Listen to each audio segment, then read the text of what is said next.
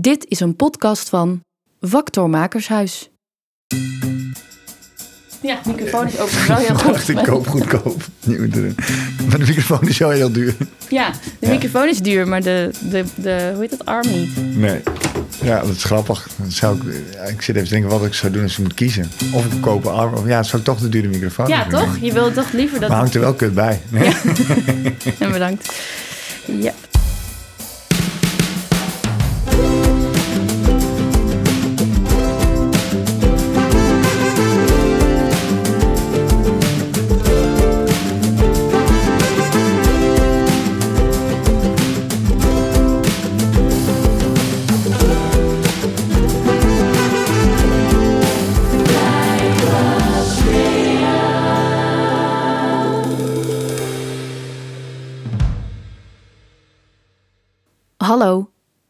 Leuk dat je weer luistert naar de podcast Blijven Smeren.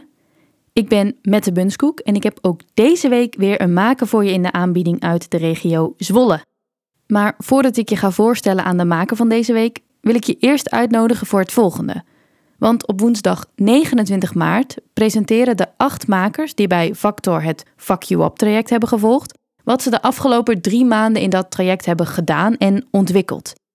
En je wordt die avond ook bijgepraat over een nieuwe ronde van het Fuck You Up traject, waar je je vanaf april voor kunt aanmelden.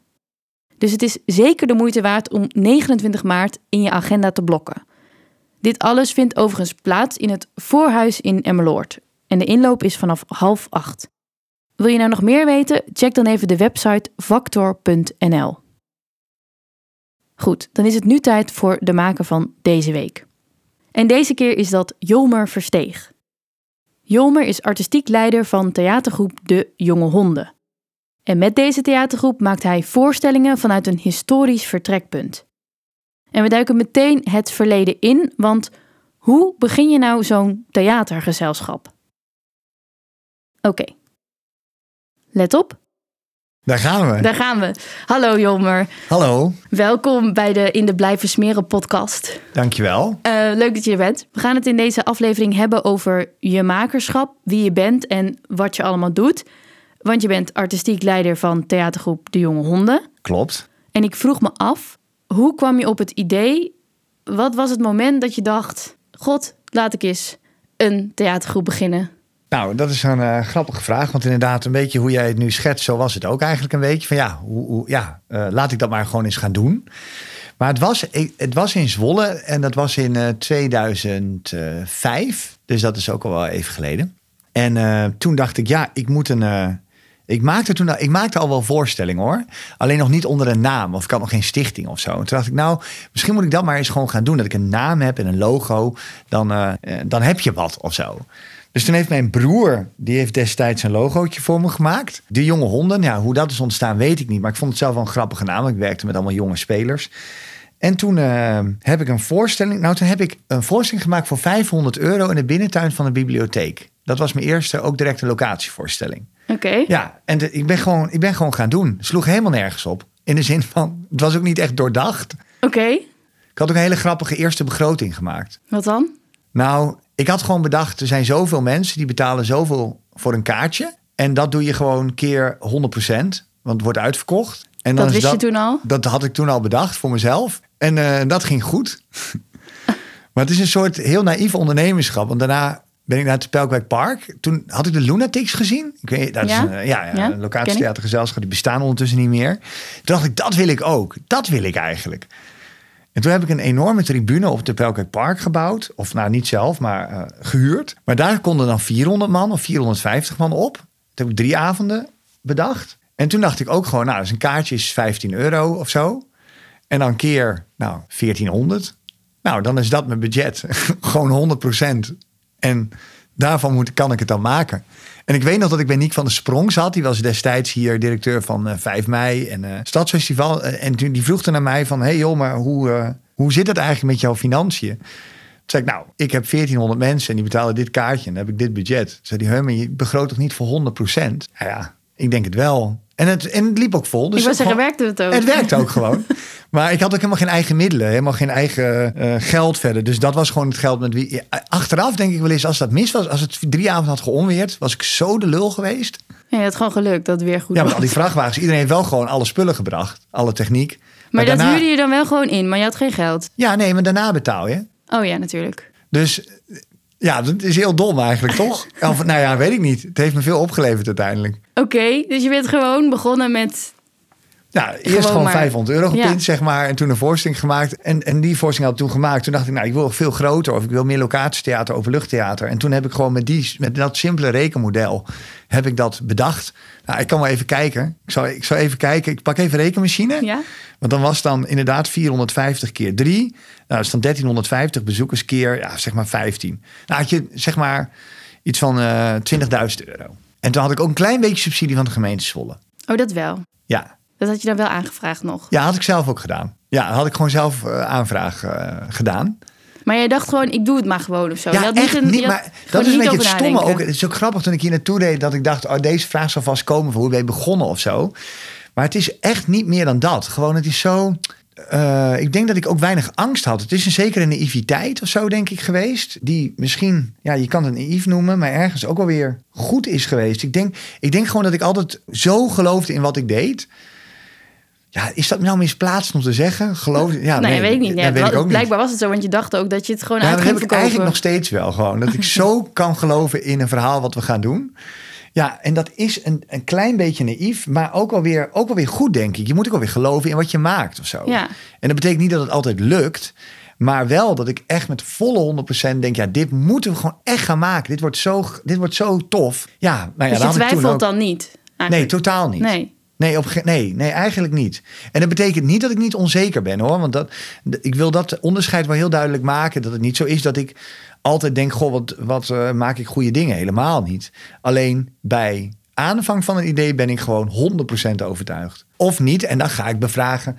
Nu tegenwoordig hebben we een artistiek team met, met meer mensen. En dan ga ik natuurlijk wel vragen: van, Goh, is dit echt een goed idee? En moeten we dit wel doen? En, en wat moeten we eraan doen om het wel te laten eh, slagen? Of. eh, Want zo ging je dan ook door. Heb je het nou heel, ja, dat je sloeg, lang volgehouden? dat sloeg dat- dus nergens op inderdaad. Want dat ging dus gewoon zo door. En achteraf, ja, er zijn nog wel sommige mensen in Zwolle die toen meespelen... die kunnen dit wel beamen, dit verhaal, denk ik. Maar kijk, ik betaalde niemand. Hè? Dus ik had, ik had ook gewoon geen geld om mensen te betalen. Ja, een paar mensen wel. De technicus wel en de decorbouwer. Maar spelers destijds ook nog niet. Iedereen deed gewoon mee omdat het een soort eh, weird avontuur was. Want je sliep ook in lege tent. Ik had ook geen beveiliging s'nachts. Dus we sliepen op het terrein met elkaar. Ja, het was een beetje idioot ook of zo. Dus de jonge honden, die naam klopte ergens wel. Het was een soort van onbezonnen enthousiasme. Maar ook de decorstellages met de echt het. Mensen moesten daarin klimmen op zes meter hoogte, ongezekerd. of wel gezekerd, maar het klimtouw was dan weer niet goed. Gewoon dat soort dingen. En toen op een gegeven moment heb ik wel een hele. Ja, er was toen een grote droom Peer Gient gemaakt op de stadsgracht in Zwolle. Dat was met een drijvende tribune op de gracht. En er zaten dan 400 mensen op. En die, en die voer dan door de stadsgracht s'avonds laat. Daar dacht ik vanmorgen, allemaal grappig. Onderweg naar deze studio dacht ik daar dus over na. Van, hoe heb ik dat dan gedaan, weet je wel? Ik bedoel, was, ik, was dat dan verantwoord? Ja, weet ik niet. En je werd niet op je vingers getikt door weet ik veel wat Instanties. eh, instanties. Jawel, want op een Oh. gegeven moment was het wel van... hé, hey, we horen dat je 400 man wil laten varen... eh, s- s'nachts op een gracht. En toen moest ik me melden bij... ik weet niet meer hoe dat... nou, een soort veiligheidsregio, zeg maar. En dan zitten ambulance, politie, eh, brandweer, et cetera... zitten daar allemaal om dan te overleggen van... hé, hey, er komt een evenement met vrij veel risicovinkjes. Willen die jongen wel even ontmoeten. En daar heb ik toen wel een plan voor ingediend. En is toen wel goedgekeurd. Want het moest dan wel van... hé, wat als iemand een hartinfarct krijgt op de tribune? Een AED moet er komen. Reddingsbrigade was er altijd bij. Dus het is... Ja, ik heb gelukkig... Ik had toen een klein cameraatje, heb ik alles mee gefilmd. En ik heb Oh. laatst die tapes weer teruggevonden. Dus die ga ik binnenkort inladen. En dan kijk ik daarna en denk ik... Ja, het, we deden het allemaal wel gewoon. Ja. Het was niet meer dan gewoon doen. Het- ja, hoe, hoe stom dat ook klinkt. Maar het is wel echt een beetje zo. ja. En dus ook wel dus het geloven in dat wat je, als je ergens in vastbijt, dan ga je er dus ook volledig voor. Volledig. En dan weet je ook zeker, oké, dit gaat het gewoon worden. Ja. Ook al denk je daarna misschien, nou was het misschien toch niet, maar tot die tijd Ja vol, ja, vol vertrouwen en enthousiasme. En de juiste mensen natuurlijk bij zoeken die daar ook in geloven. Ja. Dus die meekrijgen in je verhaal. Die zeggen, nou, dit, dit moeten we doen inderdaad. Ja, want je begon wel alleen met je had een idee en dan ging je het maken en dan zocht je daar mensen bij? Of had je al snel ook een vast team? Ja, die toen? eerste, nee, nee, nee, heel lang niet. Heel lang niet. Nee, nee. Omdat ik mensen ook niet kon betalen. Dus eh, de, de goede mensen, zeg maar, die kon ik sowieso al vaak niet vragen. Want die, ja, die waren al verder of die waren afgestudeerd. En ja, die, die, die leenden zich niet voor, voor het bedrag wat ik ze kon, kon betalen. Dus ik deed heel veel alleen. En daardoor was, waren dingen ook niet altijd even goed. Omdat je alles zelf deed. En dan moet je op een gegeven moment wel in op kwaliteit. Ik geloof heel erg dat je dingen heel erg zelf eerst ook moet doen. Maar er komt een punt dat je wil doorontwikkelen. En dan heb je gewoon meer mensen om je heen nodig. Op allerlei fronten. Hè? Dus ook financiën, zakelijk, eh, marketing, noem het maar. Artistiek. Maar dat was toen niet. Ik deed echt alles. Ik ging ook s'nachts posters plakken in de stad. En dan eh, gingen we... Ja, toen zijn we ook nog aangehouden door de politie een keer. Het hadden we allemaal boetes. Ja, dat kwam dan ook uit de begroting onvoorzien. Weet je wel? Maar ja, ergens denk ik ook, ja, ja, ja, maar wat moet je anders? Ja. En nu denk ik wel eens met die jonge honden waar we nu staan, denk ik, ja, we waren er anders ook niet zo gekomen, denk ik, of zo. Je moest, ja, je moest ook wel. En ik had natuurlijk ook een beetje het nadeel dat ik geen opleiding had, hè. Dus ik, ik liep sowieso al 4-0 achter of zo. Ja. Ja, dat, is, is dat zo of had je dat gevoel? dat is echt een goede vraag eigenlijk. Ik, ik, dat gevoel heb ik heel lang gehad. En een heel klein stemmetje heeft dat nog wel eens in me, maar eigenlijk niet meer zoveel als vroeger. Maar inderdaad, ja, is dat zo of had je dat gevoel? Nou, is dat zo ook wel een beetje wel zo, omdat mensen in mijn omgeving mij niet serieus namen. Die Nee? dachten gewoon, ja, nee, maar die dachten, wie is die knaap die in de stadsgracht een tribune neerlegt en, en daar even een voorstelling gaat maken, terwijl hij helemaal geen opleiding heeft? Doe even normaal.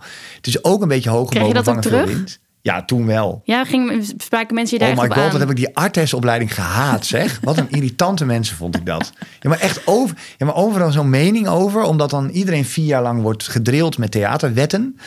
Ja, die brak ik natuurlijk ook weer allemaal volledig. Of, of niet, of ik had geen idee dat ik ze aan het breken was. Wist ik veel. Maar ik werd daar zo op... oh, Ja, nee, ik vond die studenten echt destijds verschrikkelijk.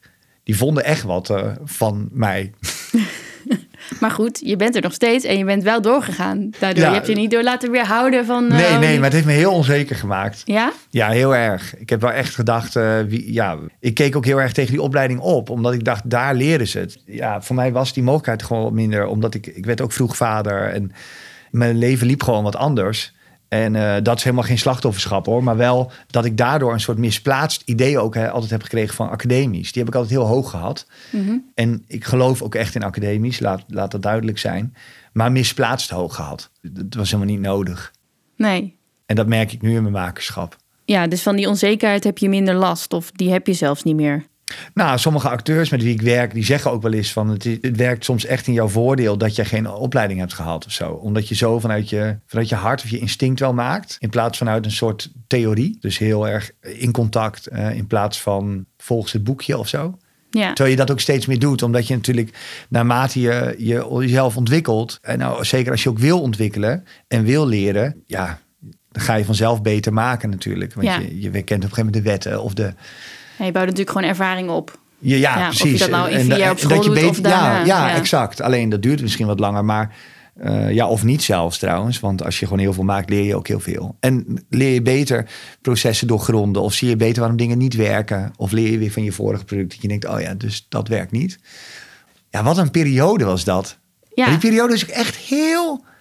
Het is ook niet echt een piek geweest. Het is heel geleidelijk aangegaan, zeg maar. Ja, dus het, heeft, Dat dus het is niet een, en was er een, een omslag of zo dat alles ineens. Nee, dat is er dus nooit echt geweest. Er is nooit echt een omslag geweest waarvan ik dacht, oh, en dat was het punt. Ja, misschien wel een beetje, maar vooral dat het eigenlijk, ja, op een gegeven moment krijg je dan, dus wat ik zei, je hebt een logo en een naam en je hebt een paar spelers en, en je betaalt niemand. En op een gegeven moment maak je een paar voorstellingen. En dan denk je op een gegeven moment, god, misschien moeten we, moeten we een huis hebben, een soort huisvesting, dus een eigen plek. Nou, dat vonden we toen aan het spoor, anti-kraak. Maar weet je wat het was? Op een gegeven moment merkte ik dat er wel steeds meer mensen bij me wilden komen. Dus het was wel een hele fijne club. Alleen mensen gingen ook allemaal weer weg, omdat je bij mij ook nooit echt kon doorontwikkelen. Omdat ik, A, inderdaad toch, ja, het gaat toch weer over dat gegeven geld, wat jammer is, maar ook wel kenmerkend omdat ik mensen niet kon betalen. En als, als jij op een moment afgestudeerd als acteur, of als eh, wat dan ook, dan ga je werk zoeken. Ja. Waar je gewoon goed betaald krijgt. Dat is Ja. logisch. Dus de goede mensen, die mensen die steeds beter werden bij mij, die ging ik ook steeds weer verliezen. En toen dacht ik, dat was wel voor mij een omslagpunt. Om te denken, oké, maar zo, als ik zo blijf bestaan op deze werkwijze, zal ik nooit verder groeien met mensen. Want alle mensen die goed worden, vertrekken. Ja. En dat deed me en een beetje pijn. En ik zag dat dat, dat, dat een doodlopende weg was. En toen dacht ik, oké, maar dat betekent dus dat ik echt aan de achterkant iets moet gaan veranderen hier. eh, bij de jonge honden ook. En wat heb je toen gedaan? Nou, eh, sowieso op een gegeven moment meer, meer subsidies aangevraagd. Dus, dus gewoon projectsubsidies. Eh, meer zoeken van waar zit dan het geld. En nou, bestuur omheen verzameld. Met wat meer kennis. Nou, die vind je altijd wel ergens, die mensen. En, en mensen die je in je omgeving hebt waarvan je denkt... goh, die hebben ook wel wat kennis van zaken... en die vinden me misschien wel aardig. Misschien willen die wel eens helpen. Dus zo heb ik dat toen gedaan. En toen op een gegeven moment had ik... Zeg maar, eerst was mijn begroting, weet ik veel, 20.000. En toen was het op een gegeven moment 60.000. Weet je, dus toen dacht ik, oh ja, er zit al wat meer. Dus kan ik ook wel mensen gaan betalen. Dus toen op een gegeven moment ging dat een beetje veranderen. En toen dacht ik, oh ja, grappig. Dus als ik mensen nu ga betalen, kan ik ze misschien wat meer bij me houden, zeg maar. Maar die betaalde ik nog steeds niet conform CAO of zo hoor. Oké. Nee. En dan komt er een tweede kantelpunt. Dan denk je, hey, ik ben nu inderdaad, het gaat iets beter. Maar ik heb nog steeds geen lange lijn. Want alle mensen die ik om me heen verzamel, die zijn er wel even, maar die zijn daarna ook weer weg, want het project is klaar. Dus dan ben je weer alleen. En dan moet je weer alles alleen opstarten. Een nieuw idee, een nieuw product, een nieuw, of een nieuw, nieuw project. Dus toen dacht ik, ja shit, eh, hoe kan ik nou zorgen dat we wat doorlopender blijven, zeg maar. En toen kwam er bij de provincie Overijssel kwam er een regeling vrij voor twee jaar. En dan kreeg je eh, twee keer 50.000 euro. Dus kreeg je een ton. En dan kon je in die twee jaar, kon je je gezelschap, zeg maar, eh, ja, wat meer opbouwen. En echt voor de organisaties. Dus dat was, goddank, een keer niet voor een project, maar echt om je organisatie te bouwen. En toen weet ik nog dat een van de ambtenaren van de provincie Overijssel me ook had gebeld en had gezegd: Is de regeling niet wat voor jou? Zei ik, ja, nou, dat denk ik eigenlijk wel. Maar ik vond het, Mette, ik vond het doodeng, die regeling. Ik dacht een ton. Ja, ik weet helemaal niet hoe, daar, hoe ik dat moet doen en zo. En ik vond het allemaal dood. En ik vond provincie ook eng. Ik vond het allemaal heel eh, veel of zo. Toen heb ik het geweigerd. Toen heb ik gezegd, ik ga niet aanvragen. Ik durf het gewoon niet. En toen, eh, ja, het was eigenlijk heel raar. eh, maar ook weer goed denk. Want ik was er misschien gewoon nog niet. En toen heb ik in die ja, want na een jaar kwam die regeling opnieuw vrij. Heb ik in dat jaar heb ik eigenlijk alles zo ingericht en mensen om me heen verzameld van als we dit gaan aanvragen, zijn jullie dan in? Gaan jullie dan mee, zeg maar? Ah ja. Dat was heel tof. Ja. En dat was heel goed. En toen heb ik na een jaar heb ik die regeling aangevraagd. Toen kreeg ik hem ook direct. Ja, dat was super. Ja. Dat was super. En toen had ik niet alleen projectgeld ook, maar ook dus wat meer geld om Ja. gewoon, eh, ja, als zo'n project voorbij was, kon je ook met een paar mensen zeggen, hé, hey, wat gaan we nu weer doen? Ja. Nou, veel meer rust. Ja, dus eigenlijk heb je wel zo'n soort subsidie nodig om door te gaan. Of, Op een gegeven moment wel. ja. Op een gegeven moment wel. En ik wil trouwens, ik zou daarmee nooit willen zeggen dat het eh, zonder projectgeld niet kan hoor. Want daar kan je ook heel veel mee doen. Want je moet het ook willen. En dat moet ook bij je passen. Maar bij mij past het heel erg, ja. Ja. Ik, omdat ik zo lang alleen had gewerkt. ja. Het was gewoon de tijd om dat... Echt. Ja, en ik had ook mensen nodig die mij weer eh, in mijn ontwikkeling verder konden helpen. Dat vond ik ook heel lang heel eng.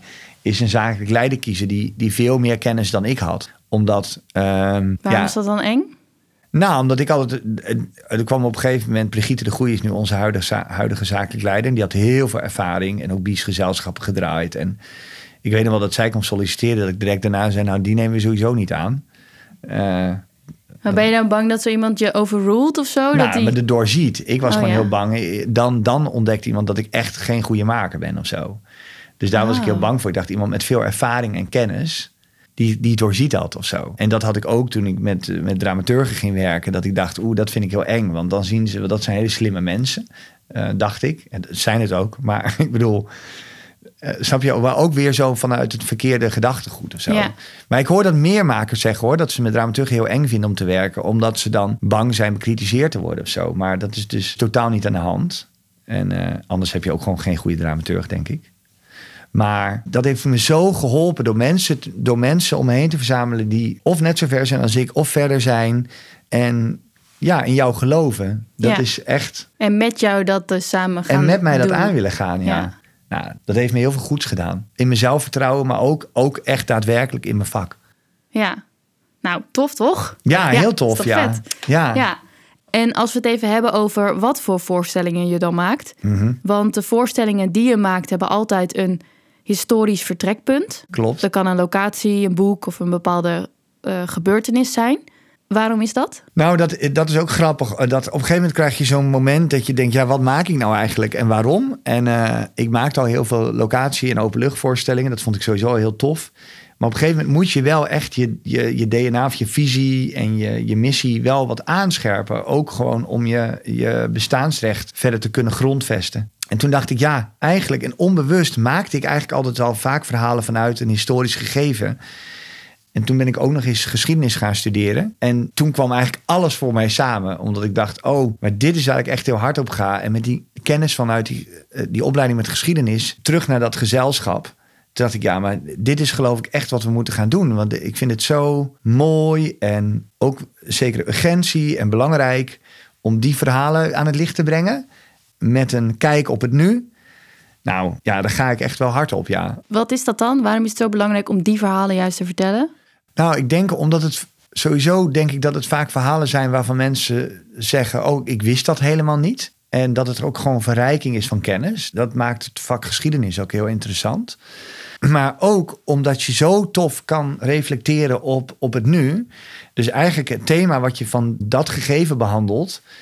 Reflecteert altijd op het nu. Het is een soort katalysator voor een gesprek wat we nu weer kunnen hebben. Ja, en daar kun je eindeloos mee door blijven gaan.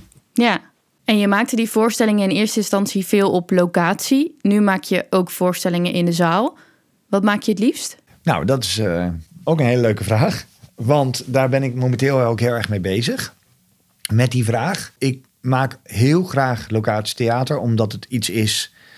Dat heeft ook wel een beetje dat van vroeger. Dat gewoon er vol ingaan. En een beetje het onmogelijke mogelijk maken. Dus gewoon dat je denkt, ja, dit kan eigenlijk niet, maar we gaan dit wel gewoon doen. Dat heeft zoiets eh fijns.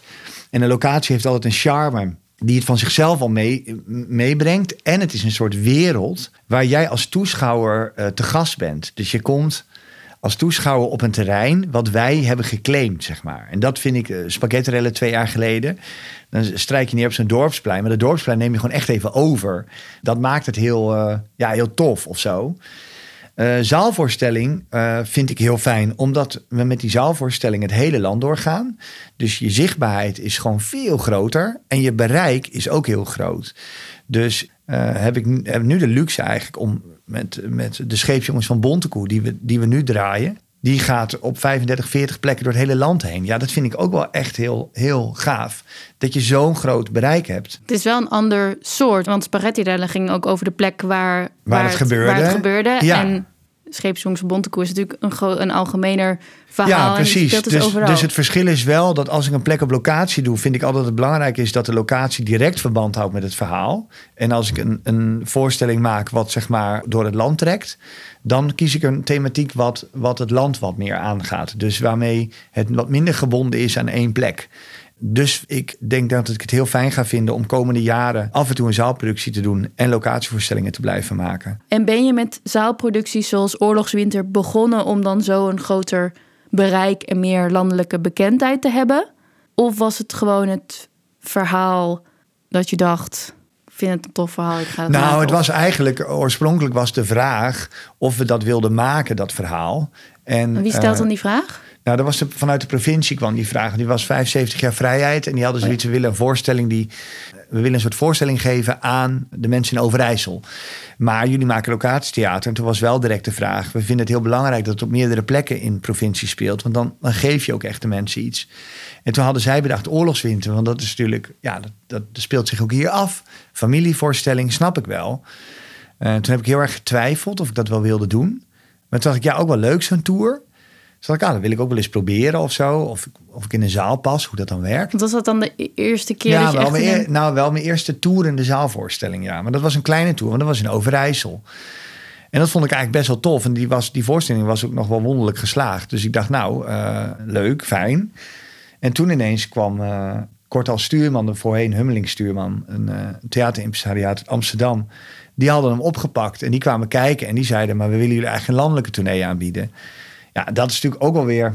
Ja, en een beetje vlijend of zo. Dat je denkt, oh, tof, ik krijg een landelijke tournee. Daar moet je ook nog heel veel zelf aan doen trouwens. Die krijg je ook niet in je schoot geworpen, want dan moet je allemaal weer gaan aanvragen. Maar toen dacht ik, nou, dat wil ik dan ook wel eens. Ja, ik bedoel, je bent toch aan het ontwikkelen, why not of zo. Ja. Dus toen dacht ik, nou, te gek, laten we dat doen. En toen hebben we met oorlogswinter door het land getoerd. Maar toen was ook een beetje corona. Het viel ook een beetje in het water door corona. En toen was direct de vraag van, willen jullie nog een maken? Die kwam dan vanuit uh, Kortal Stuurman. Ja, dat was, ja, die willen eigenlijk drie jaar wilden ze met ons eh, jeugdboeken eh, doen vanuit een historisch gegeven. Dus dat was op zich best een leuke vraag. En ik zei, nou, ik wil dat wel doen, alleen altijd vanuit dat historische gegeven, dus vanuit een thematiek die mij eh, aanspreekt. En oorlogswinter was dat natuurlijk wel. Terwijl de scheepsjongens van Bontekoe gaat heel erg over hoe gaan we, ons, hoe gaan we om met ons koloniaal verleden. En ja, hoe staan we daar nu in ten opzichte van hoe wij vroeger zeg maar die boeken lazen en uh, onderwijs kregen. Nou, dat, dat vind ik hele toffe thema's en daar leer ik ontzettend veel van. En ik denk ook wel ons publiek dat we daar iets mee kunnen geven. Dus ik vind zo'n landelijke tournee ook alweer, ja, ik ben dat nu eigenlijk aan het ervaren ook, hoe ik daarin sta. En ik ben daar ook weer voor tussenoplossingen aan het denken. Dat ik soms denk, ja, landelijke tournee is tof. Maar je kan ook zeggen, we kiezen vijf hele vette locaties in Nederland. En daar gaan we dan vijf keer spelen. Maar dan een week lang bijvoorbeeld. Ja. Dat is misschien iets duurzamer. Want je hopt nu echt van zaal naar zaal. En je bent ermee heel kort. Ja, en je zit dus in de zaal. Dus je hebt niet dat locatie. Nee, nee, klopt. Maar in de zaal merk ik ook wel weer, dat moet ik ook zeggen, ik maak heel erg vanuit beeld en muzikaal. En, uh, en Wessel de Vries uh, is scriptschrijver, maar dat gaat wel allemaal heel mooi samen. En ik moet zeggen dat je in de zaal ook weer heel veel toffe dingen kan doen die je normaal buiten weer niet kan of zo. Want ja, de, de, de mogelijkheden zijn oneindig in de zaal. Ja. En daarmee is. Uh, uh, te, te, ontdekken hoe, hoe, hoe werk ik in een zaal. Dus ik wil mezelf daar meer kansen toe geven dan dit. Dus ja. er komen zeker nog wel twee zaalvoorstellingen. En wat je net zei, ook wel met het idee van landelijke zichtbaarheid. Natuurlijk. Je wil ook bouwen aan je publiek. Ja, want ik kan me ook voorstellen dat omdat het natuurlijk ook nu jeugdboeken zijn, dat, dat gaat natuurlijk sowieso een, meteen een grote publiek. Nou, daar zeg je wat. Mee. Kijk, en dat is wel iets dat ik wel op een gegeven moment wel vorig jaar een keer zat uh, met een paar mensen. Dat ik zei, ja jongens, maar wat niet de bedoeling is, is dat, uh, dat er straks is Jomme Verstegen de kinderboekenregisseur. Want daar heb ik dus echt geen zin in. En uh, daar, wil ik, dat, daar moet niet mijn naam aan gaan hangen of van die jonge honden, zeg maar. Dus toen dacht ik, oké, okay, uh, misschien moeten we toch even anders gaan doen. En we hebben nu Scheepsjongens van Bontekoe staan. Maar volgend jaar komt een nieuwe zaalvoorstelling. En dat is Spaghetti Rellen. Dus die, die stond altijd in Twente in die, uh, op die, uh, die pleinen. En die gaat nu de zaal in. En dat vind ik heel tof. Omdat we daarmee toch wel weer iets meer ons eigen DNA laten zien. Dus die historisch gegeven. En het minder jeugdboek. Uh, maar wel over een jonge groep mensen die uit elkaar valt in de jaren zestig. En het gaat over migratie. Dat vind ik een heel interessante thematiek. En toen dacht ik ook wel leuk om die naar de zaal te brengen. Daarmee laten we weer een, een andere kant van onszelf zien dan alleen jeugdboeken. Dus ik vind het wel belangrijk dat we die nu gaan doen. Ja, ja dus ja. moet wel echt een combinatie zijn. Het is niet dat je nu denkt, oké, okay, ga vanaf nu alleen maar jeugdboeken Absoluut doen. Niet. Nee. Absoluut niet. Tenzij, de, ja, ik heb nog wel een paar waarvan ik denk, die wil ik altijd nog eens doen. Ja. ja. Ja, maar niet een, een soort van. Er komt niet een reeks aan. Nee, er komt niet een hele reeks. En je nee. eerst en dan. Nee. Maar ik vind wel belangrijk dat er een lijn in zit. Dat je heel goed weet waarom je dingen doet. En ik heb wel het gevoel dat we dat heel goed afwegen telkens. Ja, dat is mooi. En je speelt natuurlijk veel in de regio en in Overijssel. En nou ja, nu dan ook daar buiten met die landelijke tour. Als je het hebt over jouw makerschap in Overijssel, is het fijn om hier te maken? Ja, het is, het is mijn geboortegrond. Ik voel me hier thuis. Ik voel me hier fijn. Dus ik denk dat dat sowieso al een hele belangrijke beginsel is om ergens fijn te kunnen maken. Dat je je fijn en prettig voelt. Uh, ik vind Zwolle daarin ook wel een fijne plek. Ik vind het een, een overzichtelijke stad. Het is, wel een stad, maar klein. En ik moet zeggen dat daar ook wel steeds meer in verandert. Ook in het netwerk in Zwolle. Wat, wat spannender wordt of leuker wordt. Makers die ook wel naartoe trekken. Dat vind ik heel fijn. Maar tegelijkertijd ja, mis ik soms ook wel hier wel dingen, ja. Zoals? Nou, misschien wel een netwerk. Dat veel mensen trekken toch wel naar de Randstad of naar het westen toe. Die ik vaak wel inspirerend vind. En waar ik ook veel energie uit haal. En, en weet dan, je waarom die mensen dan wegtrekken?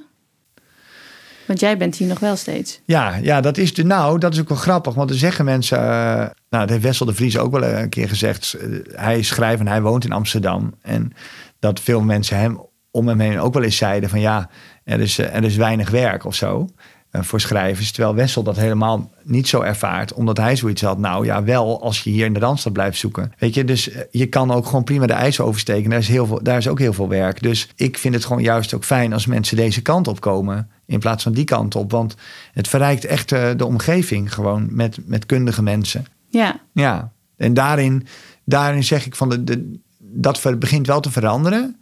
Eh, maar wat mij betreft kan dat niet genoeg, zeg maar.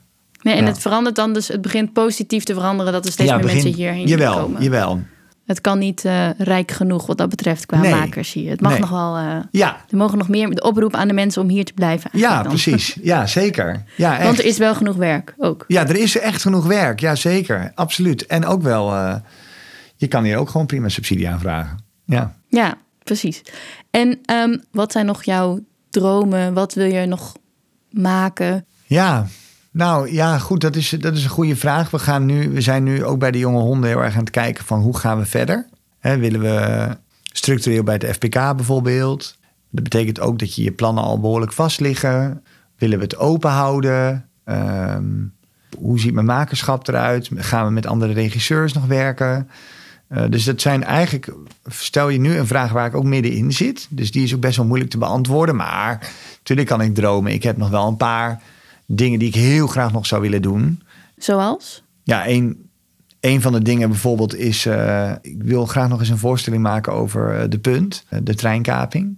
Maar dat is ook heel precair. Daar zit je ook niet zomaar aan. Dus dan moet je even heel zorgvuldig voorbereiden en, en aftasten. Kan dat? En kan ik dat doen? Of kan ik dat met iemand doen? Nou ja, om maar, om maar wat te noemen. Ja, dus er ligt nog voldoende eh Heel ambitie in het verschiet in ja, geval. zeker. Ja, ja. Ja. En als we het hebben over ambities van andere mensen, heb ik een item in deze podcast en dat is de gunfactor.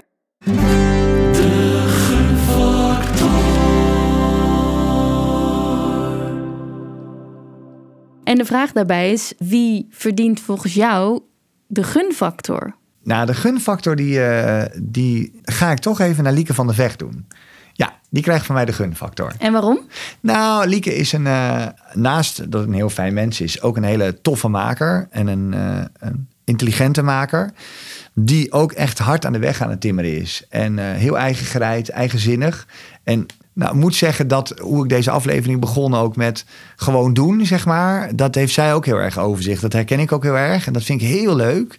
En ik vind dat zij dat heel goed doet. En ook heel snel al aan het klimmen is nu.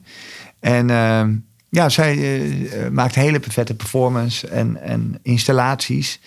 En zij is ook een aanwinst voor Zwolle, vind ik. Ja, ja zeker een gunfactor voor Lieke van der Vecht. Je Nou. moet echt eens haar werk zien. Lieke van de Vecht is bij deze aan de lijst met gunfactors toegevoegd. Ehm, heb je, is er nog iets wat je kwijt wil? Wat je nog wil zeggen? Wil je nog iets mededelen aan Oh, we zijn er onze al bijna. mensen? We zijn er al bijna. Ach, dat oh, het gaat zo snel, hè? Oh ja, de tijd vliegt zeg. oh, ja, nou, nou ja, goed. Het enige, ja... Nou ja, dat ik het ook altijd leuk vind als makers wel een vraag hebben over eh, hoe. Ik had laatst ook iemand die zei van ik wil eigenlijk meer op locatie gaan werken. Maar ik denk dan ook altijd hoe doe jij dat dan of zo. Ik vind het altijd leuk om daarover koffie te drinken. Dus met name denk ik omdat ik zelf heel dankbaar ben over hoe, hoe mijn traject is gegaan. Ook al was dat met vallen en opstaan. En ik vind het, eh, zou het zonde vinden als ik dat niet kan delen als iemand daar wat aan zou hebben. Dus ik denk, ik zou heel graag bij deze ook een oproep willen doen. eh, dat ik daar eh, graag bij help. En, en dat is, is het valse bescheidenheid? Weet ik niet. Nou ja, goed. Nee, of het gewoon je hulp aanbieden. Dat Ja. is toch altijd fijn? Ja, nou Ja, bij deze. Dat je weet dat er mensen zijn waar je naartoe kan. Ja, Ja. nou, dat zou ik nog wel willen zeggen voor de mensen die hier naar luisteren. Nou, ik zou zeggen tegen de mensen die hier naar luisteren, eh, doe dat dan ook vooral. En eh, ga ook vooral, dat doe ik dan wel even, naar eh, de Scheepsjongens van Bontekoe. Want die, speel, die speelt natuurlijk nog door het hele land. De ja, speellijst. tot met eh, 7 mei. Precies, tot en met 7 mei. Kun je gewoon even checken, de speellijst. En dan kun je daar naartoe. Ehm, ja, dan denk ik dat dit het was. Nou, Dan was dit het gewoon. nou dankjewel. Ja, jij bedankt dat Ja, je er was. het ging eh, snel. ja, Dankjewel. jij bedankt. Oké, nou, dit was hem weer. Volgende keer een nieuwe aflevering met een nieuwe maker. Ciao!